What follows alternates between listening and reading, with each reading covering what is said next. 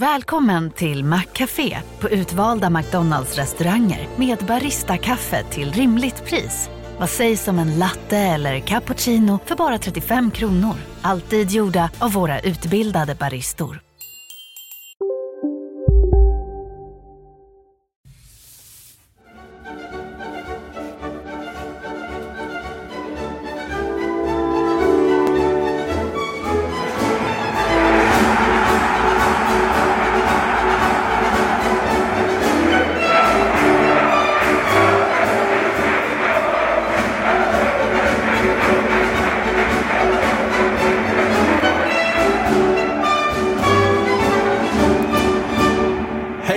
Där ute kära lyssnare och direkt här förbereder på en rejält mastig sändning. Ett rejält mastigt poddavsnitt av HIF-podden. För det är så mycket som har hänt på en vecka. Transferfönstrets sista dag, tre spelare in i HIF. Armin Gigovic har drabbats av covid-19. Tabelläget sista omgången inför landslagsuppehållet. Och sen då Henrik Larsson har ju under den här veckan som var det senaste poddavsnittet blivit klar för Barcelona. Kaoset där. Ja, det är så mycket att prata här om och i poddstudion nu finns också Marian Svab och Sebastian Rönnström, Rönnström tillbaka efter semester. Skönt att ha er här och vad säger ni om allt vi ska gå igenom? Ja, det ska ju bli... Det blir eh, en rejäl eh, dos av, eh, av allting här. Det, Jag behöver semester efter det här avsnittet igen. man är nästan eh, chockad över allt som står här på, på tavlan. Men eh, vi ska nog få ihop det på ett bra sätt. Och vi, och det, av flera anledningar så ligger Barcelona som den sista punkten. Det är inte huvudgrejen i en HIF-podd. Men också av en anledning att vi gärna har med Sebastian Rönnström på gott humör innan vi kommer dit. Ja, vi, vi, vi får se hur det, hur det blir med den saken. Men det är långt till dess och vi ska ta det absolut senaste nu för under lunchen här på onsdagen när vi spelar in det här så kom ju Jan Anderssons landslagstrupp. Han presenterade den live då eh, till Nations League. Där Sverige ska möta Portugal och Frankrike. Fina motståndare det. Och med HIF-anknytning faktiskt. Och då inte i form av, av skadad Andreas Granqvist, för han är inte uttagen då just på grund av att han är skadad. Lagkaptenen alltså inte med.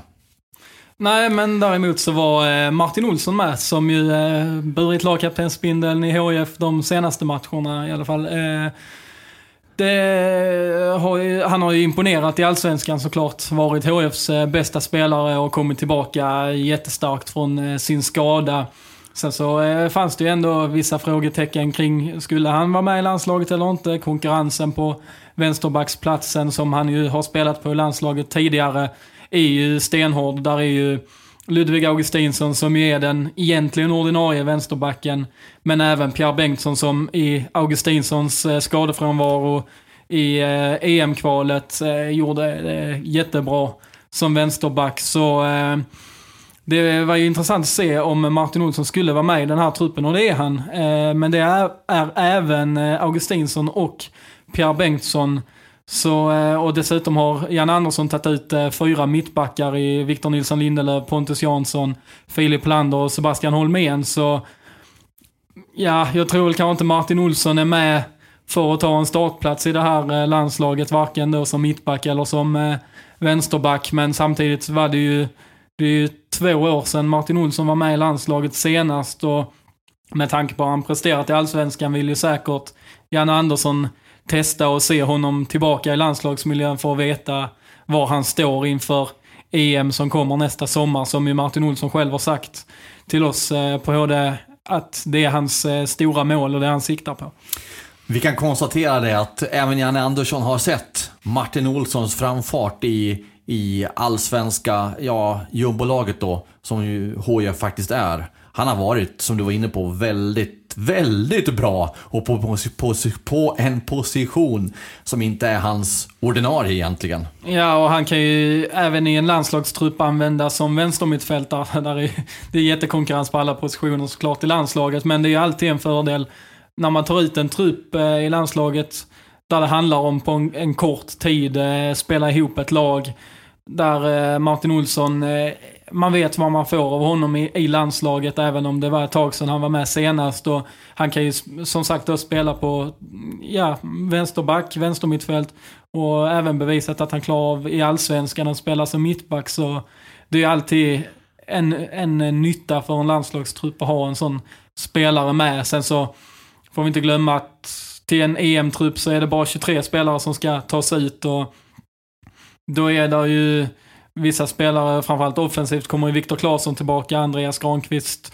Om han eh, lyckas eh, återhämta sig från sin skada, har ju också en plats i den truppen. Så där, det är ju en annan situation just eh, till EM, men eh, detta är ju ett första steg, första test för Martin Olsson tillbaka i landslaget. Kul för Martin Olsson och kul för HIF och kul för oss som följer HIF och bevakar HIF och Martin Olsson.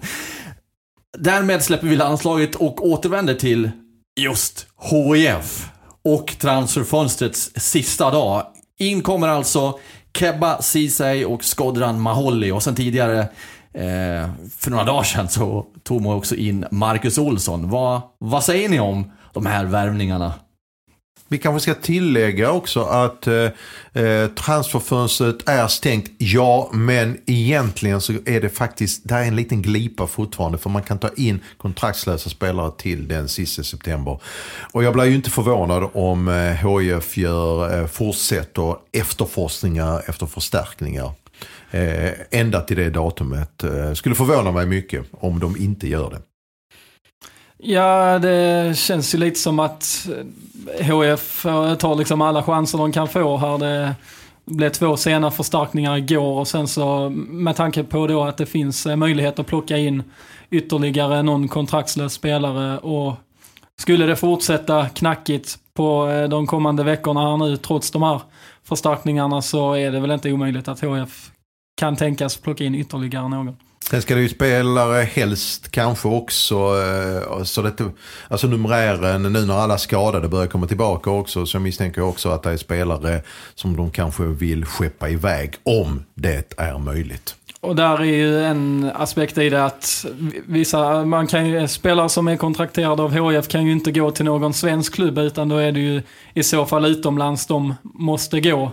Och då är ju frågan vilka spelare som skulle kunna sticka iväg till ett annat land. Och då finns det lite, så. några dagar till där va Sebbe? Ja, det är väl den 5 oktober som de ja. flesta eh, utländska fönsterna stänger.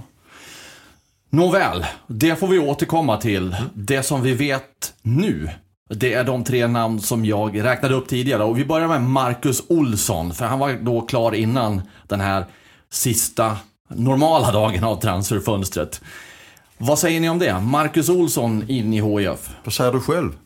Ja, det, det, det låter ju bra. Han har ju inte spelat så mycket på senare tid. Men namnmässigt så bör det ju vara en klar förstärkning. Det är väl den gemensamma nämnaren för alla de här tre spelarna att speltiden har det varit si och så med. Vad det gäller tävlingsmatcher så att säga. Eh, sen, sen, har de ju hållit igång såklart ju. Eh, eh men eh, bland, eh, om jag bara ska ta det snabbt uppifrån och ner så är det ju, ja men HF har ju gjort vad, vad man har kunnat.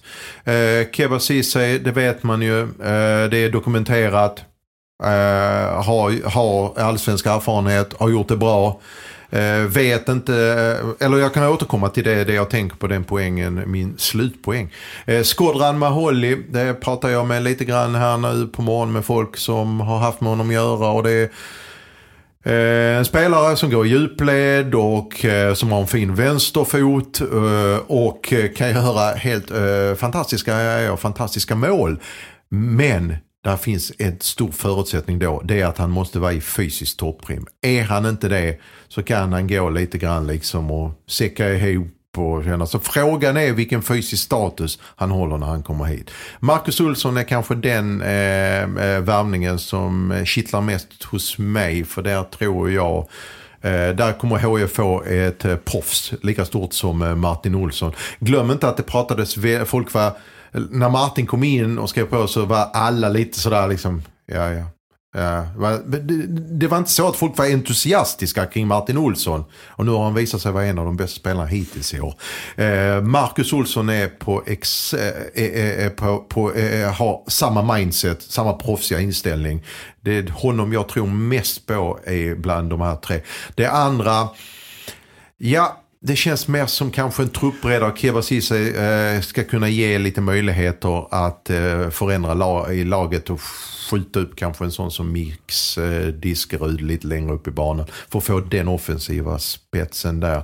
Men det stod så de ska eh, scouten Adil Kisil som sa i vår tidning va, att eh, de ska ju få komma in i laget sånt där. Och det var kanske bara, jag, jag ska inte råtolka det eller hårdtolka det vad han sa. Men där är, han har, i, i sig är det att de har ingen startsträcka de här spelarna. Utan de måste gå in och göra skillnad för att det här ska vara eh, gynnsamt för HF. Ja, det är ju alltså blodigt allvar för HF. De ligger sist i allsvenskan och alltså det, som Marian säger, det är ingen startsträcka det är tal om här. Alltså det har HF absolut inte råd med, utan det ska vara spelare som går in och, eh, och levererar från start. Och, ja, HF befinner sig där de gör. De har inte ekonomin till att plocka in spelare som de allsvenska topplagen har förstärkt med. Så de får ju, får ju gå efter det de kan och då är väl känslan lite att eh, sport, eller eh, chefscouten Adil Kisil har eh, gått på, på beprövat eh, spår här. Just med Keba Ceesay har han själv haft eh, Dalkurd tidigare. Där han var eh, ordinarie som mittback först i Superettan och sen även den säsongen när Dalkurd låg i Allsvenskan. Eh, Skådran Maholi har väl, eh, kan, har han ju inte jobbat med just eh, Adil Kiesel innan, men han har ju erfarenhet från Allsvenskan i spel i Sirius och eh, Häcken. Där han hade en höst i Sirius 2000, ska jag se, Ah, någon, jag, jag, kan inte årtalet heller exakt, men 2000... Nej, 2017 tror jag det var. Ja, det är, eh, ja. Jo, 2017, Fram. det stämmer. Eller, mm. ja, jag är lite osäker där, men eh, i alla fall. Så han, eh, då gjorde han eh, sex mål på höstsäsongen i Sirius. Han kom in efter att ha gått mållös och bara suttit på bänken i Häcken. Möjligt kanske att han kan få samma effekt här i HF. Det är ju HF väldigt beroende av. Men eh, ja, det känns ju, alltså det är ingen spelare som utefter den statistiken han kommer in med garanterar att HIF lyfter från, från bottenstriden i Allsvenskan? Nej, det bör ju vara 2017. 2016 vann han skytteligan i Superettan med Åtvidaberg på 15 mål. Då, då är det 2017 mm. ja. Så fick han eh, sitta på bänken. I, Men eh, om vi stannar till där vid Skodran Maholli då så, ehm, så skrev ju Kvällspostens Mattias Larsson en tweet som var man kan säga att det säger en del om vad han, vad han skrev. När Helsingborgs IF med extern finansiering då landar en anfallare timman in, timmarna innan stängning är det exakt ett år sedan han gjorde mål och under 2020 har Skodran Maholli spelat 13 minuter tävlingsfotboll. Det låter ju inte som en, en spelare som bara kliver in och inte behöver någon startsträcka för att ösa in mål. Nej, och det är ju lite det som känns lite tveksamt här, men HF har ju säkert försökt allt de kan för att hitta den här anfallaren som ska kunna göra skillnad och Christer Hazelius sa ju i en intervju igår att det är tufft ute på marknaden och just Skodran Maholli ser väl jag kanske lite som att HF kanske försöker hitta en, en spe, själva spelartypen som ska kunna ersätta Asad Alhamlavi som, eh, som är skadad och missar resten av säsongen.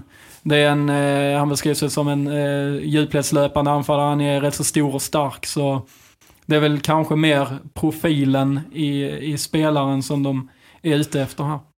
Om man tittar på Kebba Sisa idag. så så kanske man ska tolka det som att det vill allt till att han, att han får gå in och spela då. För att han, eh, han uttryckte sig ju för, jag tror det var för Expressen i första läget. Eh, där han var upprörd över att han inte fick spela. Och så sa han då så här på frågan som han fick. Hur är dialogen med tränaren Henrik Rydström? Dialog? Frågetecken börjar han. Den enda dialogen vi har är att vi säger hej till varandra. Förklaringen han gav mig mot AIK var väldigt billig och jag har ju rätt i min åsikt. Ärligt, jag säger väl till om jag är trött och inte orkar spela.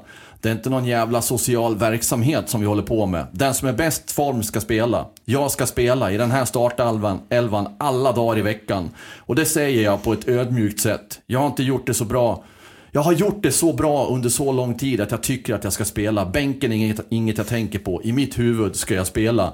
Och då, då ska man veta det också att Sirius är ju är bara tre lag som släppte in fler mål än Sirius och det är de längst ner i tabellen. Så uppenbarligen skulle de ju behöva ha försvarare då som gör det bättre, men inte ens då eh, har Kebba fått spela så mycket. Han har spelat fem matcher och tre från start på hela säsongen. Så vad är det egentligen HIF har plockat in här? Är det en som tappar humöret om han inte får spela? Uppenbarligen var det så i Sirius och hur bra är han egentligen nu? Men de har ju plockat in folk för att de ska spela, utgår jag ifrån. ja, men om Andreas Granqvist eh, kommer tillbaka då? Ja, men då är det väl tanken väl att Martin Olsson ska kliva ut på sin vanliga position som vänsterback. Eh, kan inte tänka mig någonting annat. Och då ska Jakob Folkeling Persson inte vara mittback utan... Ja, man skulle ju, de tror ju mycket på honom. Det var ju eh, så att, eh, ja, nu får ju Mellberg återigen liksom, det här är tre stycken spelare som det finns ju inga garantier som sagt som Christer Selius själv sa liksom i den här branschen. Men tanken är väl att de här är inplockade för att de ska bidra och gå in i en elva.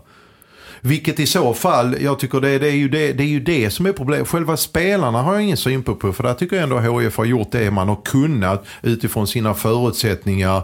Det är liksom sin tunna plånbok. Plockat in de här tre spelarna och tre, trollat. Liksom, nu menar jag inte att de har trixat med någonting. Liksom, utan de har tagit det här med externa finanser. Och det återkommer vi ju till. Men tre spelare in nya som spelar. Det eh, blir i så fall att Olof Mellberg, eh, jag räknade lite grann innan Ehm, får jag det till att han använder de här tre, då har Olof Mellberg använt 29 spelare. Eh, om han använder de här tre mot Djurgården på 18 omgångar. 29 spelare har, Olof, har fått speltid i allsvenskan i år. Och, och, och det tycker jag är det största bekymret. Eh, sen så har det funnits omständigheter med skador och så vidare. Och så vidare. Men alltså att en, en tränare använder 29 spelare, det tycker jag någonstans där tycker jag liksom... Mm, vad ja, sänder det för signaler menar du? Ja, det är en, en, problematik tycker jag. För att de här spelarna ska ju som sagt vara in, eh, lära känna de andra här nu utan att det finns. Nu kommer ju den här efter Djurgårdsmatchen kommer det ett lägligt uppehåll där de kanske kan få ihop den här gruppen lite mer. Och att de, det här tre nyförvärven kan. Marcus har ju tränat med HIF hela tiden så att han, han vet ju hur det funkar med de andra två tänker jag.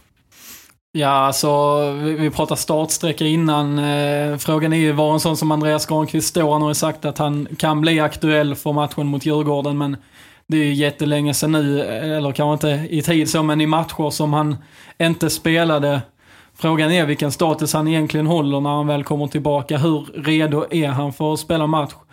Keba Ceesay eh, är ju liksom fit for fight liksom på det sättet. Eh, det är ju mer frågan om vilken alltså, eh, kvalitet han håller eftersom han inte tagit en plats i Sirius. Men det verkar ju inte vara något fel på eh, hans eh, självförtroende och, och inställning till att spela. Så ja, det ska bli intressant att se. Men som Marian var inne på där att HIF får ju lite andra alternativ nu i laget när man plockar in de här spelarna. Man kan flytta ut Mix Diskerud, man, man kan laborera mer på fler positioner.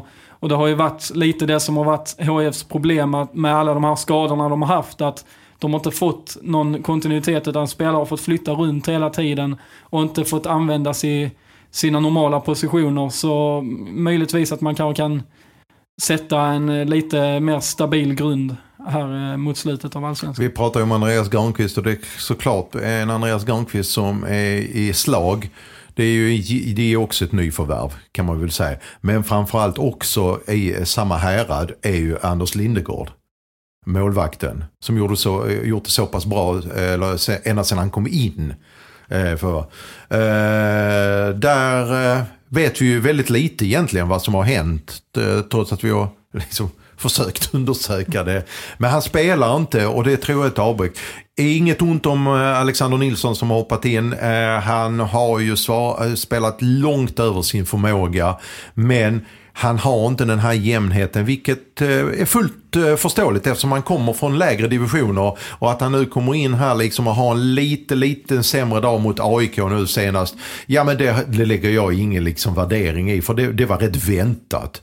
Men det hade varit väldigt välkommet att in, få in det här eh, nyförvärvet Anders Lindegård också i spel eh, nu när det börjar dra ihop sig till allsvenskt upplopp. Ja, det är ju just med det läget HF befinner sig i är det ju viktigt att ha de här ledartyperna som kan gå i fronten för laget. Och där har väl kanske inte riktigt funnits alltså, tendenser till att det, där är de spelarna nu när varken Granqvist eller Lindegård har varit där. Så HF är ju väldigt beroende av, av de två egentligen. Så eh, deras status eh, kan ju komma att bli rätt så avgörande för HF.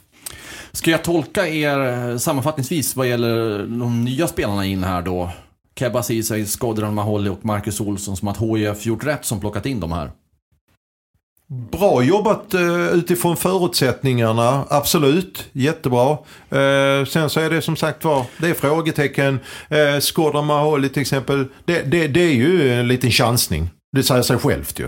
Eftersom med tanke på det du sa att han har spelat i 13 minuter. Vi vet inte vilken den fysiska statusen är. Eh, och allsvenskan går in eh, liksom som sagt var i där eh, alltihopa kommer att skruvas upp de sista tio omgångarna. Eftersom, ja okej, okay, toppstriden avgörs. Där får man ju vara tacksam faktiskt för att vi eh, bevakar en klubb som har någonting att spela för. Där spänningen kommer nog vara ända in i det sista. Medan toppstriden verkar vara avgjord. Så det är det i botten av tabellen det händer i år. Om man tittar på, på allsvenskan i stort då med, eh, med värvningar på sista dagen och det som har hänt sista dagarna. Så. Eh, och jämför för, för HIF och inte minst då i botten som du pratar om Marian. Övriga lag där då, hur, hur ser det ut där? Det är, väl inte, det är ju inte bara HIF som tagit in spelare. Nej, det var ju tydligt eh, igår, framförallt sista dagen, att eh, många lag ville förstärka sina trupper. Och Örebro som har gått knackigt här också eh, plockar in, eller lånar in Dennis Hymmet från Elfsborg och Romain Gall från eh, Malmö. Vi har Östersund som har gjort några förstärkningar tidigare. Falkenberg har sen innan också plockat in bland annat Gustav Nilsson som är en, eh, en beprövad allsvensk eh, anfallare. Kalmar plockar in en eh, anfallare från eh, danska ligan tror jag det var. Costa Rican. Costa Rican. Och AIK och Göteborg har spelat AIK, musklerna. AIK och Göteborg har ju varvat som, som riktiga topplag. Med ja. Pontus Warmblom, Sebastian Eriksson och så vidare till Göteborg. Och eh, sen även AIK som plockar in Mikael Lustig, eh, Papagiannopoulos, Filip Rogic och Bojan Radulovic, en eh, ganska oprövad serbisk anfallare. Men de har ju förstärkt med, med ren landslagskvalitet. Och där, eh, när vi pratar om den lagen, AIK och Göteborg, så är det ju de som ligger rätt nära HIF ovan, ovanför de här tre bottenlagen på 13 poäng. Alltså Falkenberg, Kalmar, HIF. Men det låter på er som att i tonläget som att AIK och Göteborg räknar ni nästan bort från bottenstriden under slutet, eller? Nej, det kan man ju inte göra för att jag vet eh, AIK har ett ganska tufft spelschema för närmsta tiden här. Men samtidigt så är det ju eh, med tanke på eh, vi, eh, vad de har gjort nu, hur de har agerat. Så eh, ja, det är ju sport vi pratar, det är ju fotboll och det finns ju mentala bitar. Men jag tycker ändå att Eh, eh, jag vet inte om jag ser det som räddnings, två räddningsplankor i Göteborg. Göteborg har dessutom ett eget spel. Tycker det är de, kanske det laget som imponerat mest mot, mot HIF i år. Uh, uh, så att de har det också med sig. Plus då liksom uh, värvat in en massa spelare som faktiskt också, ska man inte glömma, känner för klubben. Det är liksom alltså det gamla gardet som kommer hem förutom väl Marcus Berg i princip. Ja. Eh, så att de känner för den här saken och det, det, är också en aspekt i det hela. Det är kanske det som är, ligger lite grann i fatet med, med, med när HIF och de här andra klubbarna värvar när man tar in Sisse med Holly. Mar, eh, liksom Marcus Olsson är ju helsingborgare så va. Jag tror han känner ändå för att han vill inte att det ska gå illa för er, liksom alltså att man trillar ut med HIF va. Men annars är det rätt mycket när du tar in spelare i det här läget, jag har varit inne på det innan, är att ja, de kommer hit, Eh, de har ingenting att förlora för det första. De kan bara liksom, det är bara en uppsida för det, när de kommer in de här eh, eh, nyförvärven nu.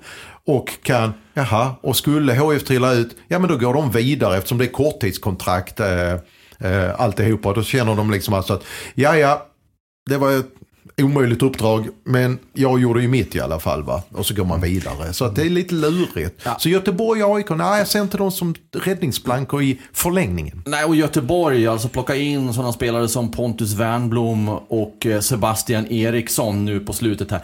Alltså det är ju två riktiga arbetshästar med, som kan pumpa och gå, gå på full växel i match efter match efter match också. Det är ju, det är ju få spelare som har den karaktären egentligen som plockas in. Vi pratar om HF kanske saknar lite karaktär när Granqvist och Lindegård har varit borta. Det är precis den typen av spelare Göteborg förstärker med här.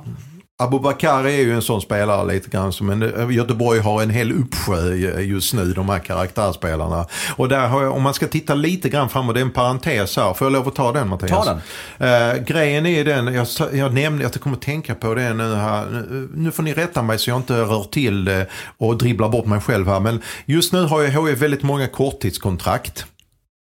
Uh, ja. Och det kan ju bli, uh, och, och, jag förstår att man gör så här nu. För nu handlar det om att överleva i december. Men, fram till december då, liksom när allsvenskan slutar 6 december. Men det här är ju inte hållbart om du ska by börja liksom bygga om, uh, eller bygga någonting på i, i, i det långa perspektivet. Alltså att ha, du har Ceesay är ju ett lån. Eh, Maholi är ett lån. Eh, Marcus Olsson är ett lån. Hans bror Martin Olsson har ju också ett korttidskontrakt. Mix Diskerud är väl också kort. Vad har vi mer för några? Där är ju flera spelare vars kontrakt går ut. Mm, det, Alex det Timossi är ett lån. Ett lån också ja. Spelare som Adam Eriksson, Andros Randrup, Abu Bakari, mm. deras kontrakt går ut. Så det kan ju bli mm. en, en jättestor eh, förändring, alltså även efter säsong. Ja, och då blir det liksom alltså att här, det, då börjar man om igen. Och det, och det kan vara positivt såklart att få börja bygga om. Men jag, jag, jag, jag, har, eh, jag vet ju om att inom fotbollsbranschen så försöker man undvika, nu är det speciella tider, men det här med korttidskontrakt. Det, det, det, det är en tuff väg att gå. Eh, om man vill bygga någonting hållbart av det. Eh, liksom. HF pratade ju när de anställde Olof Mellberg som tränare att det var en långsiktig plan de skulle satsa på. Inför den här säsongen plockade han och Adil Kisil in flera spelare som de äh, liksom tänkte att de skulle bygga det här laget på. Känslan har ju liksom varit hela säsongen, äh, trots hur knackigt det har gått, att de har ändå en tro på den truppen de äh, har liksom byggt och att de har sett det som att det är kanske skadorna som har påverkat att det gått som det gått. Men... Eh, och sen så de här två varvningarna, alltså det är liksom naturligt att en, eh, att en klubb i det läget eh, plockar in vad de kan. Men så frågan är, alltså de, de kanske ändå ser det de har sen innan som någon slags långsiktighet. Det kan ju också vara så att de under säsongen insett att det de värvade in inte blev de träffar de har tänkt sig. Så att det inte kommer mm. att vara så långsiktigt ändå när vi skriver 2021. Ja, ni, har, ni har goda poänger allihopa och, och, och här inne. Och, men det, det är alltså, jag är alltid skeptisk till korttidskontrakt som eh, en del av en strategi, av en långsiktig plan. Eh, det, får, det, det kan inte vara ett eller två kanske, men här har du en handfull lån nu. Det är en halv startelva som är... Och det är inga, det är inga dussin, exakt, det är inga dussinlirare som du har som riskerar försvinna eller lämna hål efter sig efter säsongen. Nej. Och om man vänder på myntet en gång till där så vet ju faktiskt inte HIF nu om man kommer att spela i Allsvenskan. Ja, då är det bra med korttidskontrakt. Nästa, nästa säsong. Exakt, då är det ju en ekonomisk vinst om de... Man, För då måste de börja om, om man, ändå. Ja, då måste man börja om, ja. Precis. Så att det där går att vända och vrida på från olika håll och kanter. Men Uh, bara avslutningsvis på, på den punkten med, med övriga lag de har plockat in och så. Kan ni göra någon slags jämförelse vad, vad HIF fått in och vad Kalmar och Falkenberg fått in? Är det ungefär um, break-even där på alla tre? Så att man har bara egentligen möjligtvis höjt sin nivå en aning Fast alla tre kommer att finnas på samma nivå ändå, om ni förstår vad jag menar. Ja, det skulle jag väl tro faktiskt. För eh, den här eh, costaricanen som Kalmar har plockat in vet man ju inte heller var han står direkt. De har ju förvisso plockat in Erik Israelsson. Han har ju varit med eh, några matcher nu, men eh, det är ju en spelare som man gjorde klart med redan innan säsongen, om jag har rätt för mig. Som eh, sen anslöt när, ehm, när fönstret öppnade nu. Och sen eh, Falkenberg, visst eh, Gustav Nilsson kan säkert bli en, en riktigt bra injektion där. Och tycker han visar även mot Malmö FF senast att han, att han har kvaliteter i sig. Men sen så är det ju inte några jättestora förändringar. De plockade in någon back från Gävle i division 1 i, igår. Så ehm, någonstans, HIF släpar ju inte efter just Kalmar och Falkenberg. Men eh, som vi varit inne på, AIK och Göteborg har ju verkligen spänt musklerna. Då tar jag det nu här, bara så att ni har klart för er. Som jag sa tidigare, HIF är då sist på 13 poäng, Kalmar har 13 poäng, näst sist Falkenberg 13 poäng på kvalplats. Sen ovanför dem så är det nu faktiskt ett litet gap. Tre poäng upp till Göteborg då, som har 16 poäng på 13 platsen. Ovanför dem finns AIK på 17 poäng, Örebro på 17 poäng och så Varberg 20 poäng. Så efter att eh, det har varit många lag på ungefär samma poäng, eller en poängs skillnad, så har det blivit tre poäng nu. Så där har ni hur det ser ut. Vi ska också lägga till det här så kallade protokollet att tittar man på målskillnaden och så, så är det så att HIF har gjort minst mål av alla lag och man har släppt in mest mål av alla lag tillsammans med Kalmar, tror jag det är. Ja, det är det. Så eh, det finns onekligen många, många signaler på, på, det är många röda signaler på HIF eh, eh, som de måste få till gröna. Om det här ska landa i Allsvenskan 2021 ja, vi, vi har väl diskuterat lite grann. Alltså, I så fall är det snarare så kanske att Örebro är ett av de här lagen som kanske blir indragna i den här streckstriden. Eventuellt Varberg också, men nu, nu liksom eh, eh vann man senast ju eh, Varberg och eh, de här lagen möts varandra också, möter varandra också. HIF har ju Falkenberg och Kalmar hemma medan man har Örebro och Varberg på bortaplan. Mm. Det som vi trodde från början på förhand att både Mjällby och Östersund kanske skulle kunna vara också potentiella lag som skulle, HF skulle kunna efter sig. Och, ja, nej, men jag tänker Varberg ja. har vi liksom. Jag, ja. jag, tror fortfarande att Varberg eventuellt kan bli indragna liksom, i en streckstrid med, med 13 omgångar kvar. Men Uh, Mjällby och Östersund kan jag inte se. De, är, de har för stor buffert, för, det är för långt fram. För, och så ska man passera, man ska passera också ett x antal lag också från jumboplatsen. Det ska man inte glömma, liksom, att du ska gå om ett gäng lag. Innan vi lämnar helt detta med eh, transferfönster och spelare så finns det ett stort, tungt ämne Eh, och det tycker jag att vi behöver beröra i det här avsnittet. Och det är när vi tittar på överlag då över alla eh, värvningar, spelare in och så spelare ut. Och så vet vi vad som har pågått under det här året och pågår med en pandemi. Vi vet att eh, de allra flesta, om inte alla då, har utnyttjat statligt stöd med korttidsperioder. Har du också valt att bli egen? Då är det viktigt att skaffa en bra företagsförsäkring. Hos oss är alla småföretag stora och inga frågor för små. Swedeas företagsförsäkring är anpassad för mindre företag och täcker även sånt som din hemförsäkring inte täcker. Gå in på swedea.se företag och jämför själv.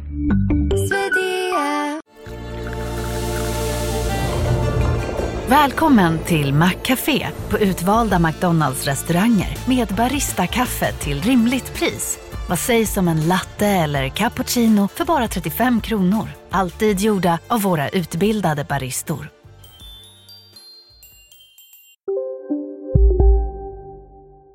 Permitteringar och så vidare. Hur rimmar detta med eh, pandemin? Eh, miljonrullningar som det handlar om av pengar och Robert Laul i Sportbladet har skrivit om det här idag.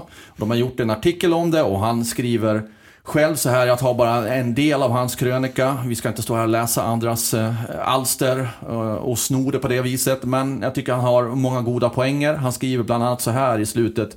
Jag vet inte vad Amanda Lind, eh, och där har vi alltså kulturminister. Idrottsminister också. Mm, eh, I regeringen. Jag vet inte vad Amanda Lind tycker, men jag anser, jag anser, alltså Robert Laul då, att hemlighetsmakeriet, miljonrullningen och de mystiska uppläggen är stötande. Jag undrar om inte alla dessa miljoner som gödslas över storklubbarna och har gått till spelaraffärer hade gjort mer samhällsnytta i andra och betydligt mer utsatta delar av vårt coronaplågade land. Eh, jag, personligen tycker jag att han har en, sätter, sätter fråga på en, en mycket viktig eh, företeelse eh, faktiskt här. Vad säger ni spontant där? Ja, alltså jag, jag håller med i det du säger där, att han sätter det, alltså att det, det är ett viktigt ämne. Och eh, det är ju också många klubbar som har fått eh, väldigt mycket eh, kritik för det. Sen går det att se det på två olika sätt. Det moraliska känns ju tvivelaktigt helt klart eh, med tanke på eh, alltså personal som har blivit permitterad, fått gå ner i lön och sen så varvar klubbar in eh, massa spelare. Samtidigt går det också att se att varvningar det är ju en, en, del av en klubbs verksamhet på, på olika sätt. Och det alltså, det går, alltså om man säger AIK som till exempel har varvat in flera spelare utan att sälja någon har ju hävdat att de ser det som en långsiktig investering att skulle klubben åka ur allsvenskan så, så skulle det ju förmodligen drabba de här eh, människorna som jobbar i och runt klubben liksom utanför själva fotbollen på ett väldigt negativt sätt. Och det, de ser ju de här spelarvarvningarna som en garanti för att klubben inte ska åka ur och för att klubben på sikt ska kunna eh, behålla den och fortsätta bedriva den verksamheten de har. Så ja, och vissa klubbar i Göteborg har ju tagit in, har ju ett eh, bolag som som eh, bidrar med pengar till just spelarvarvningar. Och HIF har externa, HIF har externa finansiärer. Så Alltså det, det, är svårt att säga svart på vitt men eh, rent moraliskt förstår jag ju de som, som tänker och undrar att, över eh, hur detta liksom kan eh, få gå till på det här viset. Ja, du har ju också en annan eh, sida av det här. Alltså det, vi har ju en eh, elitidrott som eh, alltså, lever parallellt med breddidrotten. Och det är väldigt mycket klubbar liksom, och vi har ju elitklubbar också i mindre sporter som eh, då liksom inte kan eh, liksom pytsa ut de här stora pengarna med sign-on och Eh, lön, spelarlöner och så vidare. Eh, och, och, och, det visar sig då, liksom, nu vet jag inte hur fördelningen var exakt efter när man fick eh, idrotten den första halvmiljarden. Nu kommer det en miljard till. Att då SHL, hockeyn och allsvenskan i, eh, herrallsvenskan i fotboll då men de fick ju de stora bitarna för att rädda de här organisationerna. Men det, där finns ju en, räcka andra elitidrotter och elitidrottare individuella också liksom som jag menar, som inte kan, tävla, kan tävla. Men det finns ju någon slags inkonsekvens i saker och ting också. Jag tänker på det du skrev Sebastian eh, med Mats Enqvist, generalsekreteraren i Svensk Elitfotboll då. Det här, nu när vi kommer in på det med Armin Gigovic som tyvärr tråkigt nog har, har smittats av, av covid-19. Att det går inte att flytta matcher och hur spelar ingen roll hur många som blir smittade. Då får man ta och plocka upp eh, eh juniorer och det har vi sett i AFC Eskilstuna som har tappat jättemycket på det när de drabbades av smitta i laget. Alltså, där någonstans, då är det självklart att nej, vi kan inte göra någonting, det är för komprimerat schema, det är helt kört, helt uteslutet, då får man spela med 13, 14-åringar, 15-åringar, 16-åringar, 17-åringar om det inte finns några andra. Då är det inte tal om att man ska göra några ändringar. Men om det blir folk som blir skadade eller om man kanske inte har, har den kvaliteten som man trodde från början, ja då är det fritt fram. Det finns ju en inkonsekvens i mitt huvud i det där tänket. Vad säger ni om den? Den åsikten?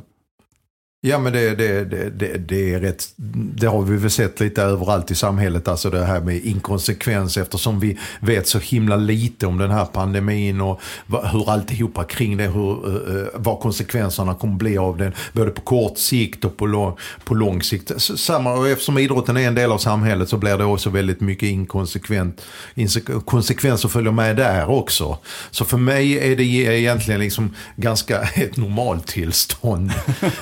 Eh, det, det är ju samma sak. Eh, eh det kommer komma fler sådana här tillfällen. Men jag håller med eh, Sebastian om att för mig är det moraliskt tveksamt att agera som man gör. Det sticker folk i ögonen. Det tycker jag faktiskt. Alltså den här pengarullningen som trots allt har varit.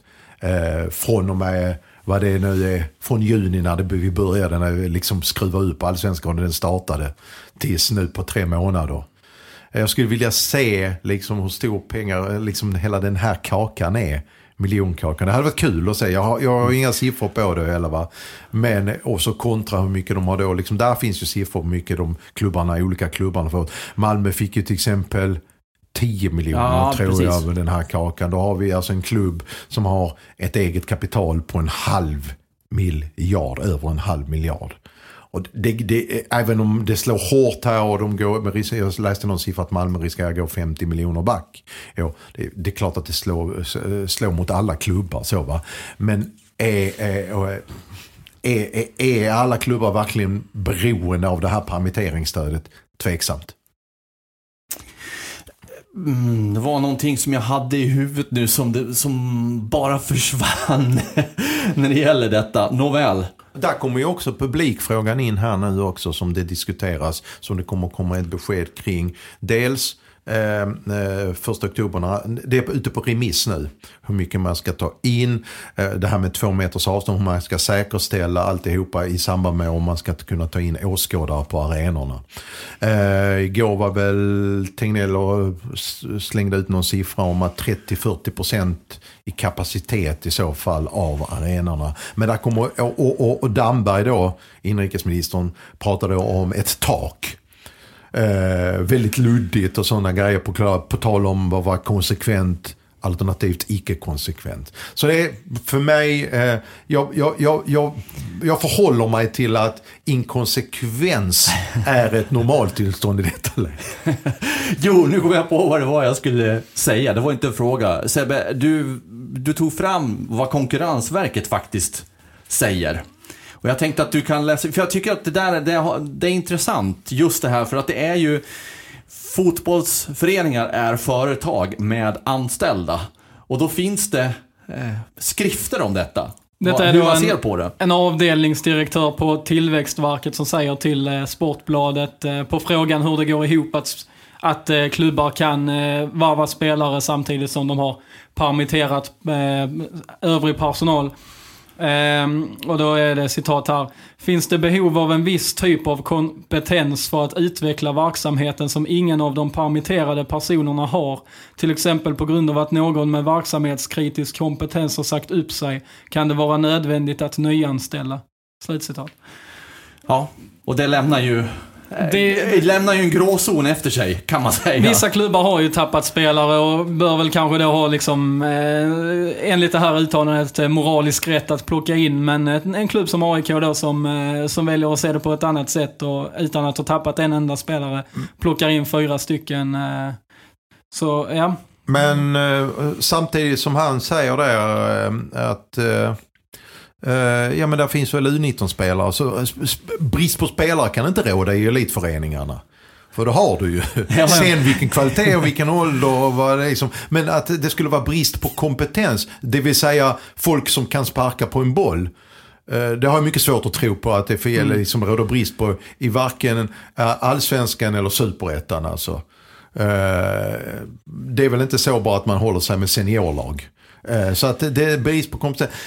Äh, hårdraget såklart det jag gör nu va. Men eh, det, det, det, det visar också på hur svårt och, och hur, hur, hur många olika sätt det finns att tolka på.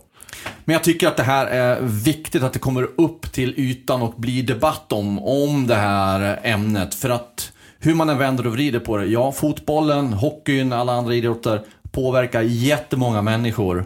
Men det är också väldigt många människor som inte bryr sig i sport som, som drabbas. Och det här är ett samhäll, en samhällsproblematik som vi behöver leva med och då behöver vi också kunna debattera om det. Så att det inte bara eh, sporten blir en, en, en värld för sig själv som kan göra, eh, sätta sina regler och ramar. Eh, utan Ja, det, jag välkomnar den här debatten. Det är sin sak med, med vanliga eh, varvningar eh, som eh, i vissa fall kan vara moraliskt tveksamma med, med tanke på klubbens ekonomi. Så, men här är det ju liksom ett statligt stöd som eh, liksom skattepengar som går till det här. Så det är ju en annan, en, en annan dimension på det hela just i det här fallet.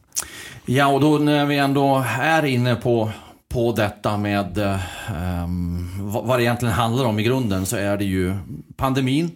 Och så har ju då HIF tyvärr drabbats av eh, en smitta på Armin Gigovic, talangen. Vi hoppas givetvis att du blir frisk så fort det bara går och slipper jobbiga symptom och problem. Eh, men ja, det är klart, det här är ju något som påverkar hela HIF och fotbolls-Sverige också då, men, men i första hand HIF. Och vad tänker ni kring, kring det här?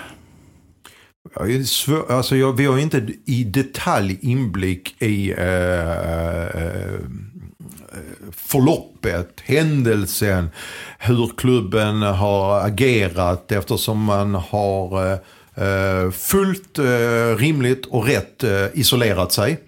Så vi har ju inte, jag har ju inte hela bilden och händelseförloppet klart. Så det, det är svårt att peka på vad som man kunde gjort annorlunda. Vi vet ju till exempel att Armin redan kände sig, liksom, han var inte med mot Sirius. Nej, då satt han på, på läktaren bland övriga spelare Hade som var han redan symptom? Var han redan smittad då? Eh, visste HF om det och tog en chans och tog med honom upp till Stockholm i en spelarbuss dagen innan matchen mot AIK. Lät honom eh, eh, dela rum med en lagkamrat och så vidare. Och sen forslades tillbaka i samma buss. Eh, till HF en chans, ja det vill jag ju tro att man inte har gjort. Ju. Ja, det måste alltså, vi ju det någonstans må, förutsätta att de inte, inte har, har gjort. gjort liksom. Men det, det, det blir ju också väldigt, eh, jag var på det redan när jag fick höra det här medicinska protokollet. Där spelarna själva skulle fylla i. och, och, och, och och jag var på, på den bollen redan innan att det finns ett etiskt problem i det hela. Där, där då även, eh, förutom spelare, agenter och klubbar är inblandade liksom. Och Ska vi, vad är, är, är, du lite, du kör lite hänga ut idag? Nej, nej men det är ingenting, alltså det är bara lite grann, jag bara, äh, lite grann, mm, ja, jag känner mig lite hängig i morse, men jag kan spela. Vi har ett exempel på det här med kräksjukan i eh, Örebro. Eh, det, det är jäkligt lätt, alltså utifrån. De flesta fyller i givetvis och vi ska ändå veta att det har spelats två, över 200 matcher och där det har varit väldigt få fall. Men det är väl klart att någonstans eh, förr eller senare skulle en klubb drabbas av det här. Frågan är hur HF, jag vet inte, HF eh, säger att de har hanterat det enligt konstens alla regelverk, höll sig. Ja, och, och vi, jag vill betona det här, att det så, för jag var själv på matchen mot Sirius hemma, när Armin Gigovic satt på läktaren. Och då frågade jag Olof Mellberg, tränaren, efteråt på presskonferensen, vad det var med honom. Och då, då var svaret känningar. Och då då är det det jag litar på stämmer. Jag tänker inte misstänkliggöra ja, eh, någonting Och jag här. tror också att Mellberg pr pr pratar utifrån det han eh, den informationen mm. han har där och nu. Jag tror inte någon... Frågan är om de, de, kan inte veta att han är smidig. Det vill jag tro att de inte vet. Att de är, Nej, så måste det vara. Så måste det vara. Va? Frågan är då liksom när Mm. Detta, och det kommer vi aldrig få veta, eller kanske inte ens HIF själva får veta. Eller så. Nej, när det kommer ut så är det, är det direkt efter matchen. Eller är det måndags? Eh, nu är beskedet om att han ja. hade, det var ju, kom i måndags kväll. Så det var ju dygnet efter. Det dygnet efter, ja. Mm. Precis. Nåväl, eh, Själva, själva fenomenet har vi pratat om här, men, men det är ju synd om Armin själv som har smittats. Det är ju huvudsaken i det här. Eh, och sen är det ju också så att det rent sportsligt betyder att HIF eh, inte kan använda sig av Armin över en tid. Hur lång vet vi ju inte. Ja, fast eh, efter när du är symptomfri och sådana grejer så ska du, då är det väl fortfarande som för alla andra människor i samhället att det, du ska stanna hemma i två veckor. Jo, precis. Det, ja, du, du, det, det, den, den är det glasklart. vet vi ju, men vi vet ju, ingen vet ju hur länge han är eh, liksom Drabbad. sjuk. Nej, nej, precis. Så därför så vet vi ju inte Nej. hur länge han blir borta i, i Nej, slutändan. precis. Alltså, vi vet ju att det utöver sjukdomstiden är det två veckors eh, isolering till som gäller. Och vad betyder det här för HIF rent sportsligt i laget? Ja, man tappar ju en eh, mittfältare som varit ordinarie under hela säsongen och eh, som även om vi har varit inne på det tidigare i podden kanske har eh, underpresterat lite utefter förväntningarna men alltjämt en, en viktig spelare för HIF som med sitt eh, passningsspel och, och det här drivet som man ändå har på mittfältet. Det, nu, nu ska vi säga att HIF har ju ändå det ganska gott ställt på innermittfältet. Abu Bakari, eh, Persson, Brander Henriksson. Nu lär man ju flytta ut Mix Diskerud och Andreas Landgren är på väg tillbaka från sin skada. Så eh, antalsmässigt så eh, gör det väl kanske inte jättemycket men just med tanke på att han har spelat i princip alla matcher den här säsongen så, så får vi ju utgå från att han är en, en väldigt central del av HIFs lagbygge. Och vi får ju också säga det att eh, det är ju, eh, hur brukar man uttrycka sig, en olycka kommer samma, sällan ensam. Eller hur säger man? Alltså det är ju väldigt oturligt för HIF också och, och tråkigt för Armin själv då som vi varit inne på. När man redan har många skador eller frånvaro så på spelare och sen så får man det här utöver det. Det är som att det är som att någon bara vill måla i svarta penseldrag, eh, mörker. Ja, det- vet, jag kan bara utgå från mig själv också. Det är klart att man också hade varit orolig om man hade varit en spelare i, eh, i truppen. Alltså, det är rent mänskligt. Oh ja. Ä- att också känna liksom, oj. eh, är jag, eh, är jag, har jag blivit drabbad också nu? Eller vad, vad, vadå? Alltså det är klart det påverkar. Det är ju, eh, bara för att det är elitidrottare så är det också människor. Såklart. Givetvis. Så att, eh, det, mm, nu tror jag i och för sig det lät på Harald Roos, klubbläkaren, att eh, de har vidtagit alla åtgärder och saker. Men det finns ju också som sagt en mänsklig aspekt på det. Vi oroar oss.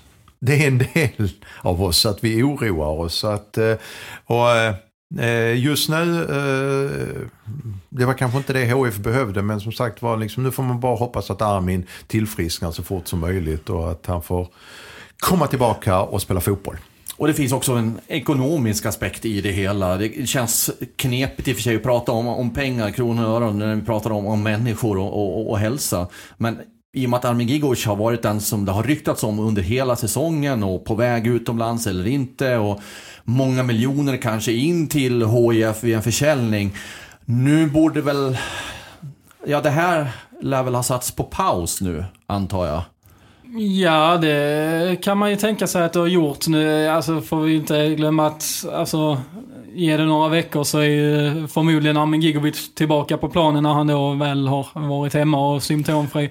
Men och så, alltså klubbar som har tänkt att varva honom är, alltså, ser ju honom som en långsiktig investering säkert. Så det är inget som han är ju inte tänkt som någon nödlösning i en eh, bottenstrid i någon annan liga så, här och nu. Men eh, absolut, eh, det är ju, transferfönstret stänger ju som vi var inne på den 5 oktober. Skulle inte Armin Gigovic spela några matcher innan dess, ja då, då vet man inte. Om HF säger att det inte pågår någon, alltså så här, förhandling just nu konkret. Eh, frågan är om någon klubb då i detta läget går in och eh, börjar förhandla. Sebastian har ett par, eh, jag, är med dig där om att jag tror inte det påverkar intresset för honom överhuvudtaget det här. Jag tänkte Eh. mer bara att det kanske blir ett längre förlopp. Ja, att det, ja, jag att förstår det, vad det, du det, är att det inne inte på. sker här och nu. Men det, jag är däremot inne på att uh, den klubb som har scoutat honom under lång tid och har bestämt sig för att vi vill utveckla den spelaren, satsa på den här spelaren. Det, det, det, den har nog råd att vänta. Och att det inte är pågår förhandlingar just nu. Ja men herregud, vi såg väl vad transferfönstret igår. Allt hände ju de sista timmarna. Det är ju fortfarande ingen liksom, verksamhet. Klubbarna har ju inte kommit igång med sina säsonger. Alltså vad sa vi nu? 5 oktober, var det det ja, du sa? Långt, faktiskt. Och säsongen alltså, eh, startar ju i mitten på september. Jag blev inte jätteförvånad om det blev, HF går ut med att Armin är såld i månadsskiftet september-oktober när det börjar hända några, lite grejer. Så att det inte är förhandlingar det är liksom, och att det skulle påverka hans hälsostatus nu, det tror jag inte. Däremot så och det är ju såklart känsligt att prata men jag tycker att det ändå är vettigt att ta upp det liksom. Jag, jag, jag tror att Armin Gigovic har en lång och fin karriär framför sig. Och att HF kommer få pengarna för honom. Sen kan vi ju diskutera det, men det är en annan diskussion om eh, vad dessa, den här pandemin gör med övergångssummor. Eh, är steget under de allra största elefanterna. Men, det, men att det skulle påverka intresset, det tror jag inte. Nej, men vi kan i alla fall konstatera att Armin Gigovic kommer ju inte vara med i nästa match mot Djurgården på söndag. Och det är en eh, match som, ja varje match är måste-match för HIF nu och Djurgården, ja, har plockat in spelare så det är ju en ny, en ny tuff motståndare för HIF. Ja, eh, bland annat har de ju förstärkt här med Magnus Eriksson nu som ju har gjort stor succé förr i Allsvenskan. Så det är ju ett lag som, de har ju halkat lite efter Malmö i tabellen men eh, ska de ha minsta möjlighet att hänga på i guldstriden så måste de ju eh, vinna mot HF här på söndag och sen så går det ju in i ett uppehåll och, och så vidare. Så det blir ju en extremt tuff match för HF. Och, eh, men det ska bli väldigt intressant att se nu hur eh, vad som händer med HF-laget nu när det finns tre nya spelare tillgängliga. Och eh, se vad de kan, eh, kan bidra med i det här laget. Ja, även om toppstriden kanske är på väg att avgöras här så eh, är det ju fortfarande Europaplatser att spela om för de andra lagen efter Malmö. Men om vi ska titta på HFs situation som är minst sagt prekär. Eh, så eh, kan vi ju börja fundera lite grann på, det är 13 omgångar kvar. Eh, vad kommer att krävas? Är det helt plötsligt varannan, ja, nu kan man ju inte vinna varannan när det är 13 omgångar kvar.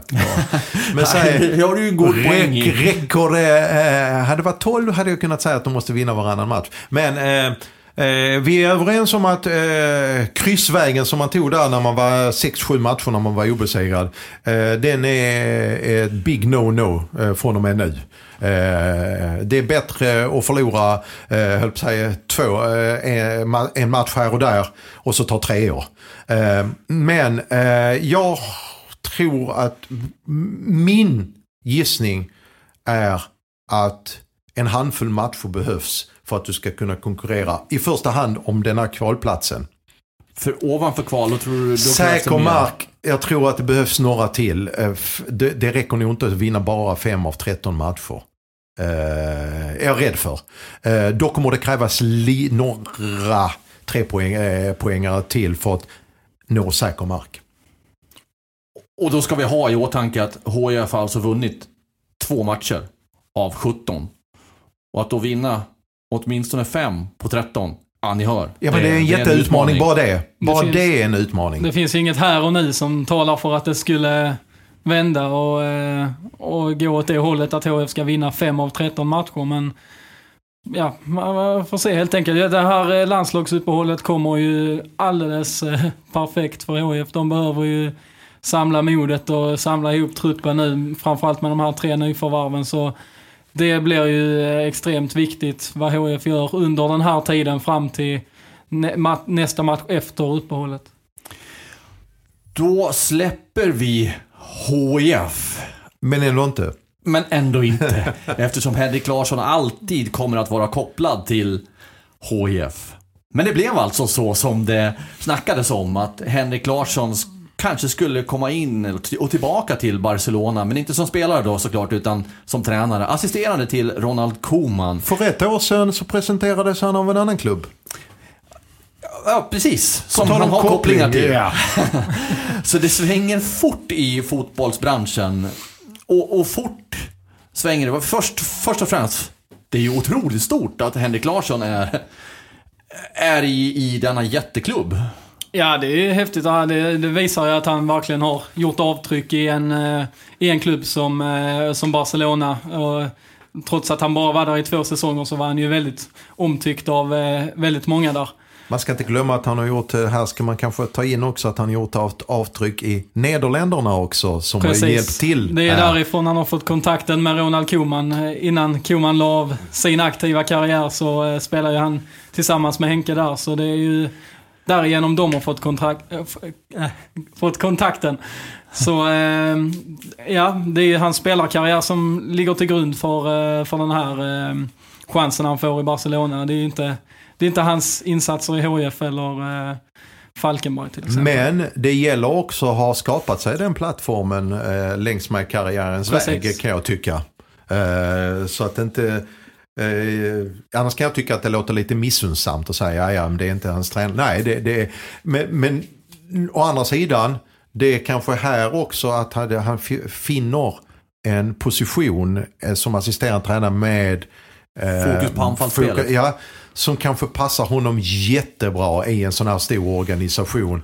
Och då ska man också, eh, eh, ja han får ju inte träna världens bästa spelare som det ser ut Nej, för nu kommer vi in på detta kaos han kommer till. För ett år sedan så kom han till en klubb som men, har haft det. Eh. det nu får ni Barcelona-människor diskutera detta. Men att komma in i ett sånt här kaos i en sån här jätteorganisation kan jag också tycka så att Ja men då har ju inte Henrik Larsson någonting att förlora egentligen. Utan då finns det möjlighet att bygga någonting eh, nytt och vara med om det och sånt. Är det inte ett ganska bra läge att komma in? Nu ska du eller jag säga varför det inte är ett bra läge att komma in Sebastian. Alltså, tänk nu på vad jag sa. Ja, men vi är helt överens om en sak jag och Sebastian som kommer att svara på din fråga.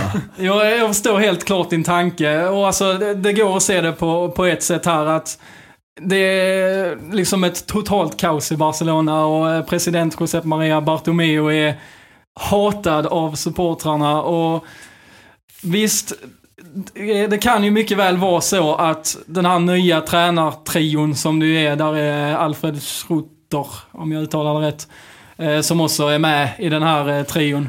De kommer in här och Frågan är hur mycket fokus som hamnar på dem om det blir fel. De kommer nog inte personligen kanske få skiten för det, utan all skit riktas mot just presidenten som ju är extremt ifrågasatt just nu i Barcelona. Och folk kommer kanske också ha lite överseende med att om till exempel då eh, Messi lämnar så eh, så vad, vad, ska de göra, eh, tränarna? Precis liksom, så jag tänker. De har inte kanske, de har nog en viss förståelse, supporterna för att tränarna kommer till ett omöjligt uppdrag. Problemet här och svaret på din fråga som jag vill komma till, det är att så länge Bartomeo med hans gelikar är kvar, så är det inget bra läge att komma in i Barcelona. Det är det som är själva grejen. Det spelar ingen roll. Jo, det spelar roll om Messi försvinner. Det spelar väldigt stor roll. Men har man inte en organisation bakom sig så spelar det ingen roll Eh, vilket läge man Men kommer in i. Men tänk om de får som alltid snabba resultat här nu under hösten. Men det kommer de inte att få så länge Bartomeu är kvar. För Hur vet du det? Därför att jag vet det. det ah, okay. därför, att, nej, men därför att vi har sett det under de senaste åren vad som har hänt. Han har ju i princip monterat ner hela klubben. Han har ju inte haft i princip ett rätt sen han tog över. Och det blir bara värre och värre och värre och värre. Och Slutpunkten på detta var alltså Messis eh, beslut att lämna Men om man klubben. gör det bra eh, under hösten här vinner El Clasico utan Messi och sånt och Koman och Henke och de här. Det, då, då, kan det ju liksom också gå åt andra hållet. Nu är det mycket ja. om här, jag vet. Jag tror men... inte det kommer att hända. Men ingen vet. Det kan, allt kan hända i fotboll. Och jag tror som inte det Sebbe inne i, fallhöjden är ju också större i detta läget med tanke på... Nej, jag tänker bara att det, fin, det, det är inte bara negativt att komma in i detta läge Nej, nej det är klart att det finns, det, finns, det finns ju en, finns en uppsida Det också. finns ju en spelare som eh, Henrik Larsson förmodligen eh, kommer att få ut mycket mer av. Och det är ju Antoine Griezmann som ju varit en flopp sedan han kom dit. Men med, eh, om Messi nu inte är kvar då och de Jong kommer säkerligen bli bättre för Koman vet hur han ska använda honom. Så det är klart att det finns uppsidor med, med detta också. Och det är inte ett lag som byggs enbart kring en person. Men ändå, så länge Bartomeu är kvar, det finns ingen grogrund för en succé. Och lämnar Messi så kommer det, visst han kan ju slarva bort eh, eh Messi, då kommer det finnas antar en liten slant över till att eh, få in de spelarna som Koman och Henke vill ha. Ja, det är väl framförallt hans lön då, för vi vet ju inte hur det blir med, med ja, kontraktssituationen. Om han vinner någon, någon rättslig process och går gratis eller om de kan få in pengar för honom. Det är ju just då så att Messi har ju varit alltså, extre, alltså bara säga extremt beroende av Messi i, på alla sätt och vis. Och att tappa honom i det här läget när klubben är i den krisen de är, det, det kommer att vara extremt tufft. Och visst, man kan kanske plocka in lite nya spelare, men frågan är om den Barca-ledningen som är där nu har kompetensen till att plocka in rätt sorts spelare. Och dessutom om eh, Alltså när de väl kommer in så ska det här sättas ihop till ett nytt lag. Det är inget man gör direkt så, speciellt inte när Barca under 10-15 års tid har haft en stomme med Messi, Piqué, Busquets, Suarez på senare år också som, som ju är liksom, eh, alltså Barca eh, i kropp och själ att bygga om detta på över en natt kommer inte och, nej, och, och det, det, kommer att ta nej, tid. Nej, och Messi har ju också kritiserat öppet vad han tycker om hur man har behandlat La Masia, alltså ungdomsakademin, som har fått fram så enormt många spelare där han själv kom ifrån också. Och Iniesta och så vidare. Alltså, ja. Så här. Jag hör er, men jag väljer att tycka att det är superhäftigt att vi har en helsingborgare. Ja, och, det är det. och med koppling då till HIF, Henrik Larsson. Men man hade ju önskat att, att han hade fått lite bättre förutsättningar att komma in i. Tycker jag. Men då hade han kanske inte kommit in å andra sidan. Nej, jag tycker det är jättehäftigt ja. Men jag, jag, jag, jag, jag kan inte ta, liksom, argumentera emot alla era liksom, synpunkter. Ni har ju jättemånga goda poänger mm. såklart. Men jag tycker det är framförallt jättehäftigt att Henke oh ja, oh är på plats oh ja. i Katalonien. Oh ja, och det är väl, det är väl eh, något vi får, får glädja oss åt då, ja. Sebbe. För vi mådde inte bra igår kväll och du Nej, mådde... jag satt uppe till klockan två i natt och äh, läste på alla turer om äh, Messi och äh, om man ska lämna, om man inte ska lämna, kontrakt hit och kontrakt dit. Så det blev inte mycket sömn i natt, men ja. Din fotbollssjäl är sårad där. Den är väldigt sårad. Mm. Men som tur är så är vi en bra bit från Katalonien och vi kan fokusera och hålla oss till Helsingborgs IF framöver närmast på söndag. Ja. Nu är vi igenom hela detta mastiga program. Hoppas ni har följt med oss hela vägen och har du gjort det, tack så jättemycket för ditt tålamod och eh, vi önskar er alla en fortsatt skön vecka. Hej!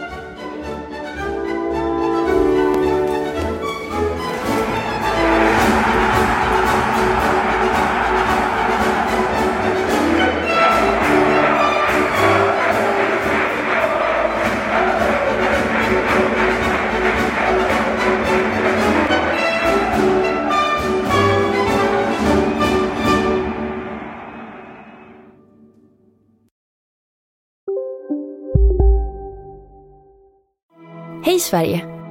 Apoteket finns här för dig och alla du tycker om. Nu hittar du extra bra pris på massor av produkter hos oss. Allt för att du ska må bra. Välkommen till oss på Apoteket. Ni är med om det största. Och det största är den minsta. Ni minns de första ögonblicken. Och den där blicken gör er starkare. Så starka att ni är ömtåliga. Men hittar trygghet i Sveriges populäraste barnförsäkring. Trygg Hansa. Trygghet för livet.